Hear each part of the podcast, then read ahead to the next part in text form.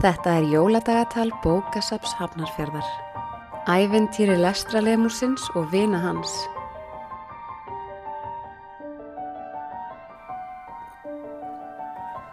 Lestralemurinn sefur vært og rótt eftir yfirstaðin læti.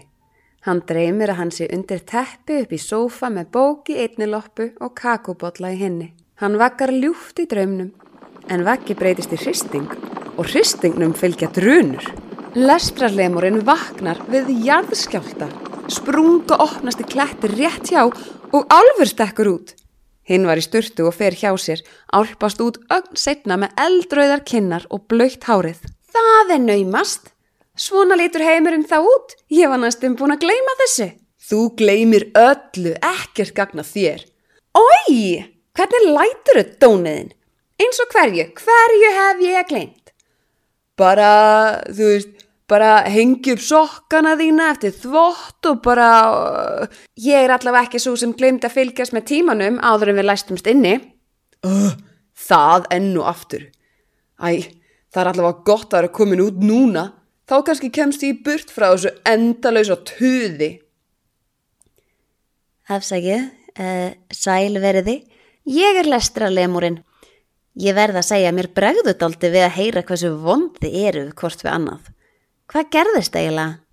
Álvarnir, teitur og táta útskýra fyrir lestralemurnum að fyrir laungu síðan hafi eitthvað kærlaust röll, stekkur stórtá, hnerrað svo svakalega að hórið hafi myndað flenni stórt hraun.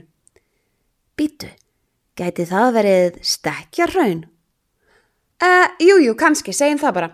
Allavega, það kom reyndar svo mikið hór að ein skvett af því myndaði hraunhelli sem þessir álvar festust inn í. Hefði frekar átt að heita asnarraun eftir þessum asnalega stekk.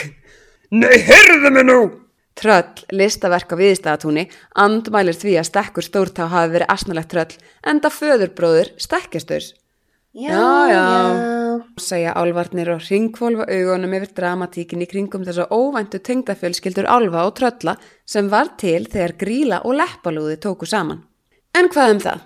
Lestrarlemurinn vil fara heim á bókasafnið. Hvað er bókasafn? spyrja álvarnir.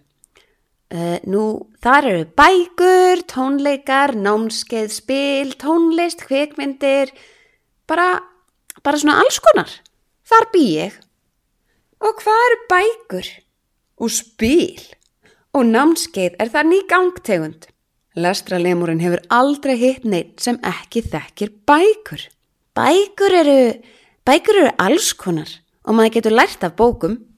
Í bókum er allt hægt.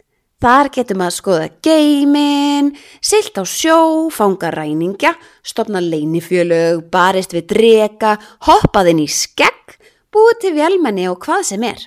Maður getur lært að gera tilraunir, lesið í náttúruna eða búa til ímiskonar mat og meðlæti. Sumar bækur gera mann betri, kenna mann að eiga samskipti við aðra og hugsa vel um sjálfan sig og umhverfið. Þið hefðu kannski gott að því að kynnast bókum frekar. Förum á bókasafnið!